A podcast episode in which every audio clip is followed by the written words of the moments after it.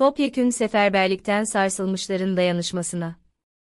Yazan, Kutlu Kağan Dalkılıç AK Parti 2010 yargı referandumu ile açıkça ilan ettiği kendi keyfi vesayetini kurma sürecini, 15 Temmuz darbe girişiminin yarattığı atmosferle beraber otoriter bir sisteme demir atarak tamamladı.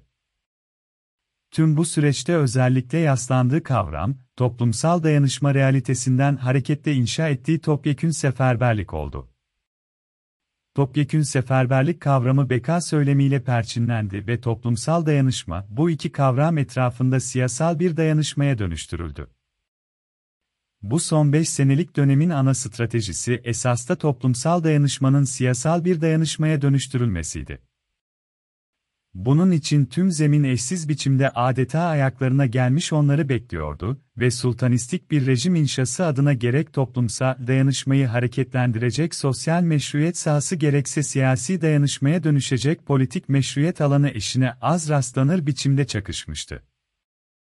Toplumsal dayanışma ile siyasal dayanışmanın örtüşmesi, hali siyaset tarihimizde eşine az rastlanan bir durumu işaret ediyor hatta çoğu zaman toplumsal dayanışmanın siyasal bir dayanışmaya evrilmesi, pek mümkün olmaz zira toplumsal dayanışmanın öze dair irrasyonel sabit kökleri verili bir rasyonaliteyle kurulan siyasal bir dayanışmaya dair mutakabata genelde izin vermez. Toplumsal dayanışmanın modern rasyonel araçlarla anlayamayacağımız hatta bu yüzden kolayca irrasyonel yaftası vurabileceğimiz kolektif asabiyetinin aslında öze dair alternatif güçlü rasyonel kökleri var.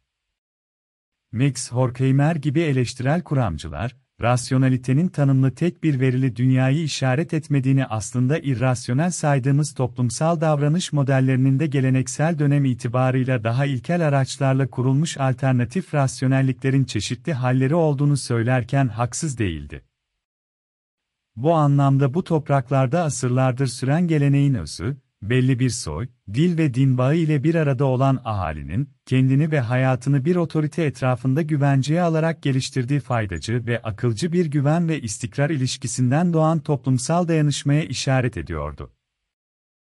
Toplumsal dayanışmanın bu anlamda bugünün verili ve tanımlı rasyonel araçlarının üzerine kurulan sebeplerinden ziyade özü güvenle geleceğe taşımaya dair sabit bir kaygısı vardı belli bir soy bağının üzerine eklenen dil ve din bağıyla bir arada olan topluluk, kolektif çıkarlarını belirli bir otoriteye yaslamak suretiyle bu dayanışmasını perçinleyerek tarihten geleceğe yürüyordu.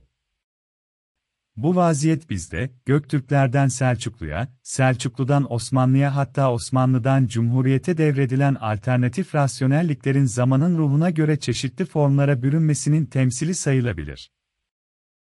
Erdoğan bu toplumsal dayanışmanın anahtarı sayılabilecek, geleneksel dönemde de modern dönemde de süreklilik olarak devam eden ve bir otorite etrafında şekillenen sabit özü geleceğe taşımaktaki istikrar ve güven kaygısını oldukça iyi bilen bir lider. 7 Haziran seçimleri sonrası Erdoğan, iktidarını kaybetmek üzereyken yaşanan 6 aylık kaos sürecinde, ahaliye bu kaygıyı kontrollü biçimde hissettirmeyi bilmiş ve iktidarını bu toplumsal dayanışma üzerine yeniden kurabilmişti. 15 Temmuz sonrası doğan iktidar ve otorite sarsıntısı, bu defa yalnızca bir iç siyasi krizin sonucu değil, dış destekli bir müdahaleyi açık biçimde çağrıştıran adeta topyekün bir ulusal devlet kriziydi. Bu yüzden ahali artık bu kaygıyı çok daha derinden hissediyordu. Bu durum toplumsal dayanışmayı siyasi bir dayanışmaya dökebilecek zemini de kendiliğinden doğurmuştu. Toplumsal dayanışma artık topyekün seferberlik kavramı ile siyasal dayanışma ise devletin bekası kavramı ile sembolize edilecekti. Böylece tarihte eşine az rastlanır bir toplumsal mutabakat siyasal mutabakat örtüşmesi gerçekleşiyordu. Bu hengamede mevcut Cumhurbaşkanlığı sistemine geçildi ve uzun süren bir otoriterlik cehennemi üzerimize çöktü. Bir süre sonra şartlar normalleştikçe toplumsal dayanışmanın kendi özünü güven ve istikrarla geleceğe taşıma kaygısı da normalleşti. Hatta öyle ki otoriter ve keyfi tek adam yönetiminin siyasetten ekonomiye, iç politikadan dış politikaya kadar icra ettiği tüm siyaset, hayatı olumsuz etkileyen sonuçlarıyla artık bu özü tehdit eder hale geldi.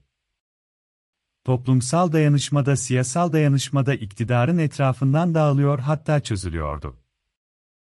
Ahali artık tarihten gelen bu sabit özü, güven ve istikrarla geleceğe taşıyacak ve onu yeniden kuracak bir otoriteyi aramaya koyuldu. Toplumsal dayanışmanın sabit özünü emniyette geleceğe taşımaktaki kaygısı, yeni bir siyasal bir dayanışmaya yeni aktörlerle dönüşebilirdi. Ede böyle bir fırsat vardı. Bu son süreçte muhalefet ahaliye yeni siyasi dayanışma hattını pek tabii ki, haklı olarak güçlendirilmiş parlamenter sistem vaadiyle sundu. Bu durum artan ekonomik krizle birlikte ahalide değişime dair bir hareketlenme yaratsa da beklenen heyecanı ve değişimi yaratmadı. Çünkü siyasal dayanışma hattı bir siyasi sistem önerisi ve modeliyle değil, siyasi birlikteliğe dair güçlü bir toplumsal ruh haliyle inşa edilmeliydi. Model ancak bu toplumsal ve siyasal dayanışmanın sonucu olabilirdi. Sistem değişimi, bu toplumsal ve siyasal dayanışmayı birbirine eklemleyecek ve onları perçinleyecek yeni sosyal ruh halinin sebebi değil ancak neticesi olabilirdi. Üstelik bu sosyal aktivasyon, toplumsal dayanışmayı ve siyasal dayanışma iktidar cephesinden radikal biçimde koparmak ve onu muhalefete eklemleyerek konsolide etmek durumundaydı. Bunun için toplumsal dayanışmanın sabit özünü geleceğe güven ve istikrar zemininde taşıyacak karizmatik bir otorite imajı verilemedi. Bu otoritenin sadece bir sistem vaadiyle bir araya gelmesi ahalinin toplumsal dayanışmayı muhalefet cephesinde kurması için yetmedi. Oysa ahalinin büyük kısmı geniş çapta iktisadi ve siyasi olarak sarsılmıştı ve bu sosyal ruh sarsılmışların dayanışması üzerinden muhalefet adına yeniden kurulabilirdi. Sarsılmışlık hali, toplumsal dayanışmanın özünü güvenle geleceğe taşımasındaki kaygıya dair tüm kesimleri yatay biçimde kesen bir durumdu. Bu kavram etrafına kenetlenilseydi, hem sarsılmışlık etrafında yeniden konsolide biçimde bir toplumsal dayanışma hem de sarsılmışlığın telafisi anlamında yeni bir umut ve hayat vaadiyle onun üzerine bir siyasal dayanışma kurulabilirdi.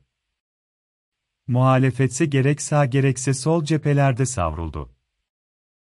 Büyük ve küçük partiler kendi hatlarında epeydir çıkmaz sokaklara girdi. Ömer'in yollarından tutun da endişeli muhafazakorlara, sığınmacılara toleranstan marjinal kolektif grupların sesi olmaya kadar ahalinin toplumsal ve siyasal dayanışmasını bırakın yeniden kurmayı, onları daha büyük kaygılara sevk etti. Merkez böylece boşaldı. Merkez hala boş ve dahi toplumsal ve siyasal dayanışmanın eklemlenerek muhalefetçe yeniden kurulmasını bekliyor. Zaman geçiyor, toplum geçiyor, siyaset geçiyor.